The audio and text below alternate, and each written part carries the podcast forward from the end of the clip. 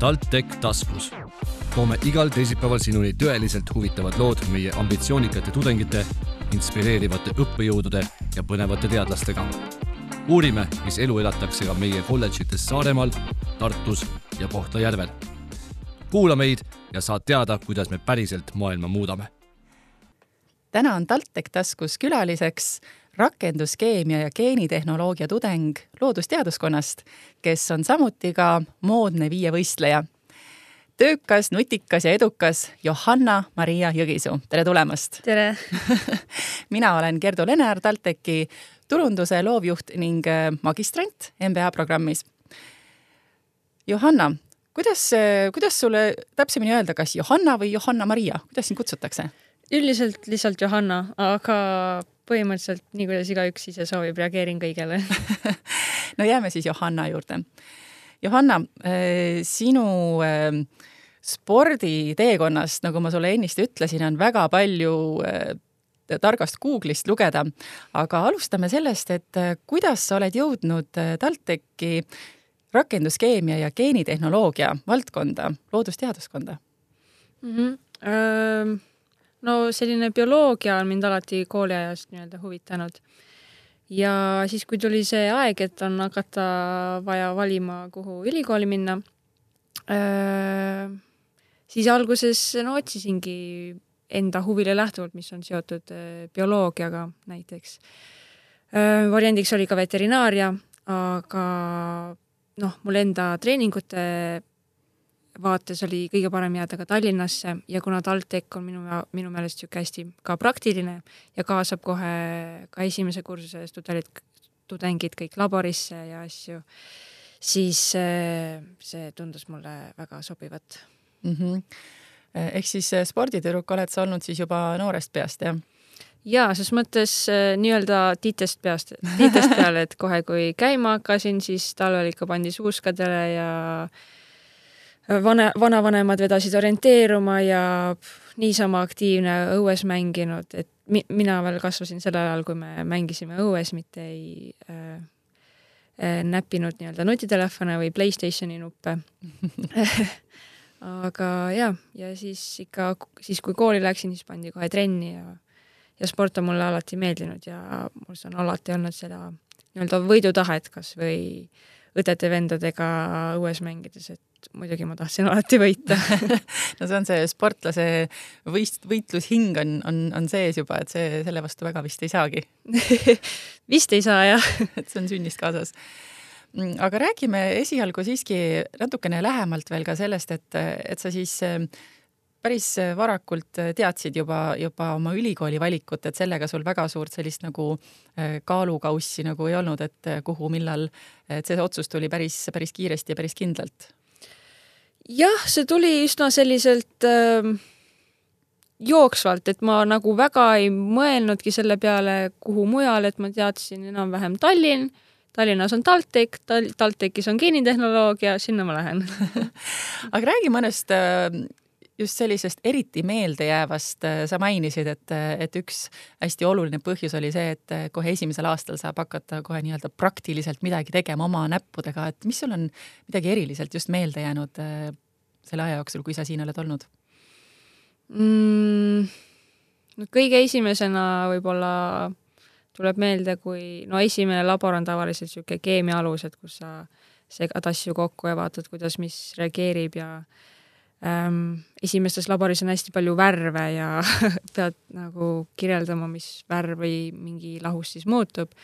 ja siis mõned värvid olid siuksed hästi ilusad ja mõtlesime siis nendele nimesid välja ja üheks värviks panime merineitsi värvi jah. mis see merineitsi värv siis endast kujutas, mis, mis värv on merineitsi värv ta no katseklaasis värvus niimoodi, alt oli natuke ro-, rohekam ja ülevalt äh, lillakam, noh ja siis, kui sa muidugi segasid, siis ta hakkas segunema. siis see meenutas millegipärast merineitsit on veel midagi erilist, mis sul veel meelde tuleb mm.? no kõik laborid on omamoodi vahvad olnud, sest äh, sa ikkagi nagu rakendad neid teoreetilisi teadmiseid praktikas ja saad rohkem aru, miks midagi toimub ja kuidas toimub mm. -hmm ja tõepoolest, see on üks väga oluline öö, osa õppimise juures, meil on sellest varasemalt ka podcast'is juttu olnud, et et õppides just läbi sellise praktilise kogemuse aitab palju enam sul asjadest aru saada ja, ja seda ka siis koheselt mingi, mingi muu asjaga seostada mm. -hmm, just. lisaks siis sellele, et sa oled edukas üliõpilane Äh, oleme me põgusalt maininud, et, äh, et sa oled ka agar sporditüdruk, aga see on võib-olla natukene isegi niimoodi äh, pehmelt öeldud, sest tegelikult sul on ju üks väga suur unistus, mille suunas sa praegu äh, vaeva näed. ja, ja see unistus siis äh, on jõuda olümpiale. aga alustuseks äh, selgita võib-olla lähemalt, milline spordiala üldse on moodne viievõistlus moodne viievõistlus on selline vahva ala, kus on seotud mõnes mõttes üsnagi erinevad eh, viis spordiala. seal on jooksmine, laskmine, vehklemine, ratsutamine ja ujumine. ehk siis eh, nii-öelda siis, kui Pierre de Coubertin, nii-öelda selle moodsa olümp-, moodsate olümpiamängude looja, mõtles välja niisuguse spordiala, siis ta kujutas ette, milline võiks olla nii-öelda perfektne sõdur või nii-öelda sportlaste sportlane, kes suudab põhimõtteliselt kõike teha. Äh, ja nii ta tuhande üheksasaja kaheteistkümnendal aastal esimest korda olümpial oligi ja õnneks on veel praegu siiamaani ja millal sina selle spordialani jõudsid? Äh, mina jõudsin viiendas klassis, kui mul ainult ujumisest sai siiber nii-öelda et ei jaksanud ainult iga päev seal basseinis edasi-tagasi äh, ringe uhtuda ja tahtsin noh, midagi, midagi veel teha. ja kuna minu isa ka nooruses äh, viievõistlusega tegeles, siis temalt pidevalt selliseid äh, lugusid kuuldes tema siis võistluspäevadest tekkis mul huvi ja nii ma viievõistluse trenni viiendas klassis sattusingi. see koosneb, sa just mainisid viiest erinevast alast mina olen ka endine sportlane ja tean väga hästi, kuidas ühte ala treenida. kuidas sa viite ala treenid, kuidas, millised su treeningpäevad välja näevad? no tavaliselt äh, on päevas kuskil kaks kuni neli trenni, olenevalt siis päevast äh, äh, ujumist ja jooksu on nii-öelda kõige rohkem äh,, ratsutamist võib-olla ajaliselt kõige vähem aga see aeg peab olema hästi efektiivne, et äh, jõuda kõik asjad nii-öelda tehtud. ja üldse, kuna viievõistlejatel on aega vähe, siis äh, kogu see nii-öelda ajakasutus peab olema efektiivne. et võib-olla noh, kui ma tegeleks näiteks ainult jooksuga või, või mõne muu näiteks kergejõustikualaga, siis ma lähengi hommikul rahulikult halli, teen rahulikult kõik soojendusharjutused ja noh, vahepeal puhkan mati peal või mis iganes, aga kuna ma olen viievõistleja, siis mul on nii-öelda aeg limiteeritud ja nii-öelda lähengi halli, teen järjest kõik oma asjad ära ja lähen nii-öelda järgmise ala juurde. jah mm. -hmm. ja lisaks sellele, et sul siis päevas on, sa ütlesid kaks kuni neli tundi treeninguid? kaks kuni neli trenni. kaks kuni neli trenni, okei okay., see on väike, väike sihuke äh, täpsustus, aga siiski äh, ja sa mainisid, et, et sa oled õppinud väga edukalt oma aega kasutama. siia juurde veel siis ka see, et sa käid ülikoolis. kuidas sa seda teed, mis on sinu aja, efektiivse ajakasutuse nipid? Äh, no kõige esimesena tuleb pähe lause muidugi, kes teeb, see jõuab, eks ole aga ma olen ise ka märganud, et mida rohkem ma nagu teen, seda rohkem ma tegelikult ka jõuan, et võib-olla kui mul on selline äh, nii-öelda puhkuseperiood, kus, kus mul ei ole nii palju trenne või, või ongi täiesti trennivaba, et siis ma nii-öelda noh, ma loomult võib-olla mõnikord olen ka üsna laisk inimene, et et mulle meeldib ka niisama vahepeal olla just puhkuseperioodil. aga üldiselt, kui sul on noh, esmalt pead muidugi panema endal ära vormistama eesmärgid mm, -hmm. et mida sa tahad saavutada mm. -hmm. kui need on paigas, siis äh, nii-öelda ülejäänud mitte ei tule lihtsalt, aga sa tead, mida sa pead tegema selleks, et jõuda sinna, kuhu sa tahad jõuda. ja, ja selleks äh, jah, ongi oluline panna paika eesmärgid ja ülejäänud põhimõtteliselt äh, tuleb nii-öelda loomulikult mm. -hmm. et sa tead, et sul on vaja mingid asjad ära teha ja sa teed nad ära mm. -hmm aga kas sa võid jagada näiteks enda sellist tavapärast argipäeva, kui sul on ühel päeval mitu trenni, ülikool, õppimine, et milline sinu selline tavaline argipäev välja näeb mm,? noh, muidugi see oleneb jällegi päevast, aga üldiselt on hommikul trenn olenevalt siis ajakavast, mis kell kas loeng või midagi on, kas üks või kaks trenni. kui on kaks trenni, siis see teine on muidugi kergem, et ei ole kohe järjest kahte hullu trenni, kus sa paned nii, et higipull on otsa ees. aga jah, üldiselt üks või kaks trenni enne loenguid. siis on mul kas üks või kaks loengut, oleneb päevast, et, et kuna ma olen väikse, väiksema koormusega natukene et eh, siis on mul see natukene kergem. aga siis, kui loengud on läbi, eh, siis jälle üks või kaks trenni, koju, magama, muidugi söö-, söömised, mhm. söömiskorrad ka vahepeal ja mm, -hmm. ja siis, kui on vaba aeg eh, nii-öelda siis see kas õppimiseks või, või taastumiseks, jah mm. -hmm.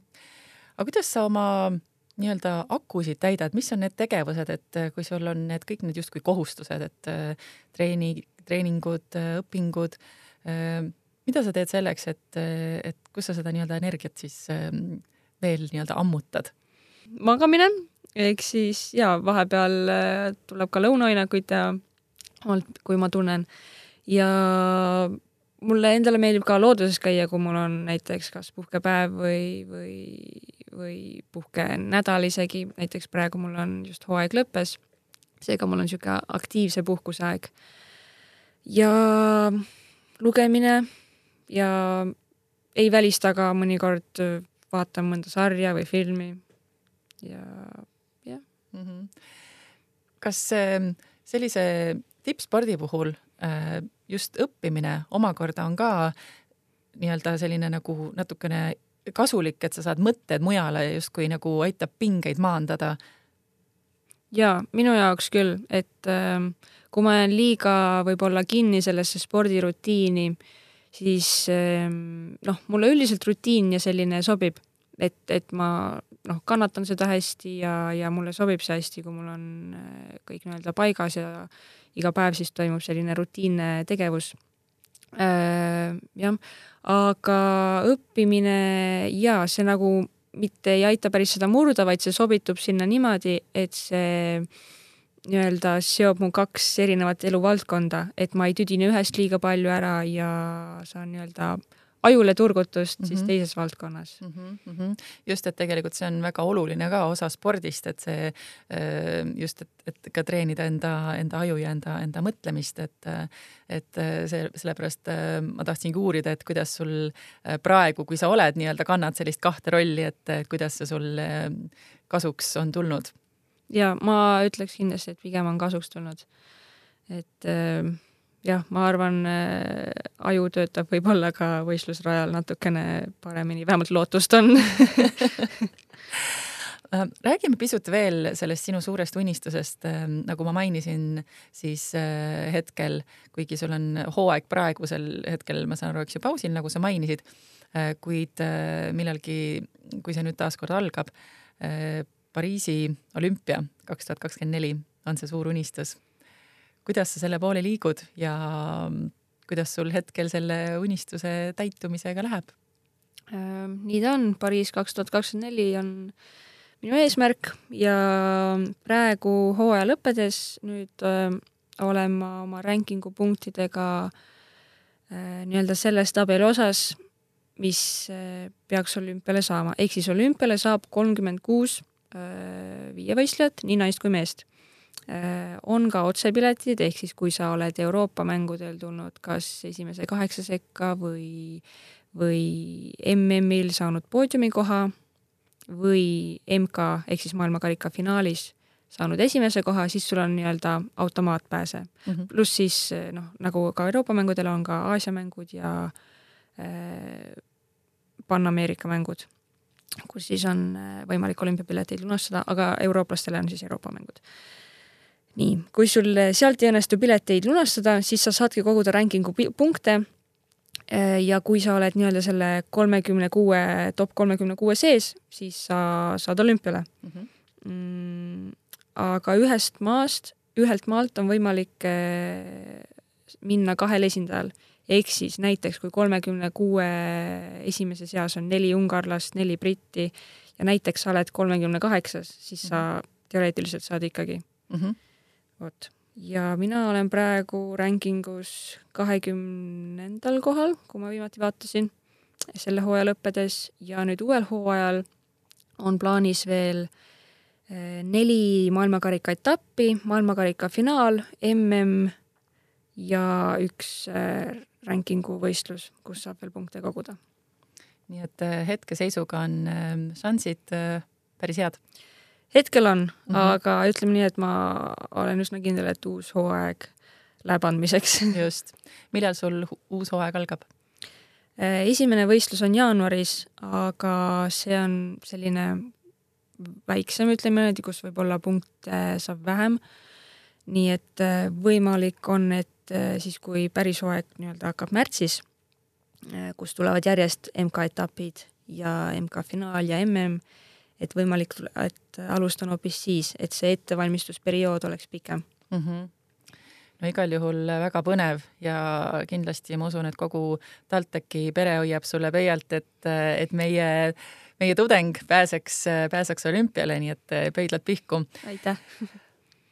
kuid räägi siiski veel pisut oma, oma mõtetest lisaks spordile, et kui sa nüüd siis äh, ülikooli lõpetad, siis äh, kes sinust saab?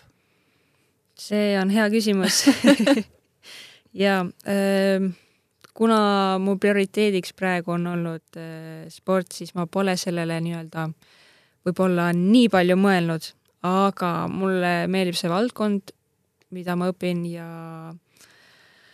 äh, ma olen kindel, et äh, selles valdkonnas on äh, võimalik olla väga kasulik Äh, ühiskonnale siis kas näiteks meditsiini vallas, keskkonna vallas, kus iganes, et äh, see on üsna vald va,, lai valdkond, kus, äh, kus siis saab nii-öelda kasulik olla mm. -hmm. ja nagu sa ise ütlesid, siis hetkel on su fookus spordil, aga kui su spordikarjäär ilmselgelt mingil hetkel, ajahetkel ju siiski, siiski läbi saab, siis äh, see, et sul on olemas äh, oskused ja teadmised äh, rakenduskeemia ja geenitehnoloogia valdkonnas, ma arvan, avab sulle hoopis äh, uued võimalused ka, ka siis hilisemas karjääris, et, et nagu sa ise ütlesid, et sa veel ei teagi üldse, et kes sinust nii-öelda pikas perspektiivis saab. ja ma usun küll kindlasti, et selle ala siis valdamine kui ma ükskord selle lõpetan, annab mulle, loob siis mulle võimalused nii tööturul siis, kus mul on võimalik konkurentsis siis nii-öelda ülespoole pürgida öö, oma siis valitud alal mm. -hmm, mm -hmm. ja kui sa nüüd praegu mõtled enda, ütleme siis aasta lõpu peale, siis äh, spordihooaeg on sul natukene vähem fookuses mis on su eesmärk nüüd selle aasta lõpuks veel ära teha? selle aasta lõpuks hmm.? spordivaldkonnas või siis äh, õppevaldkonnas? sina vali, sinu valik, mis on sul, mis on sul selle aasta eesmärk, mis sa kindlasti tahad täide viia hmm,? tahaks äh, proovida talisuplust. äh, jaa ma olen seda proovinud ja ma pean tunnistama, et kui sa seda korra proovid, siis, siis sa tahad seda veel katsetada, nii et, et ole ettevaatlik, mida sa soovid. okei. nii et lähme teeme koos ära. hüva, hüva.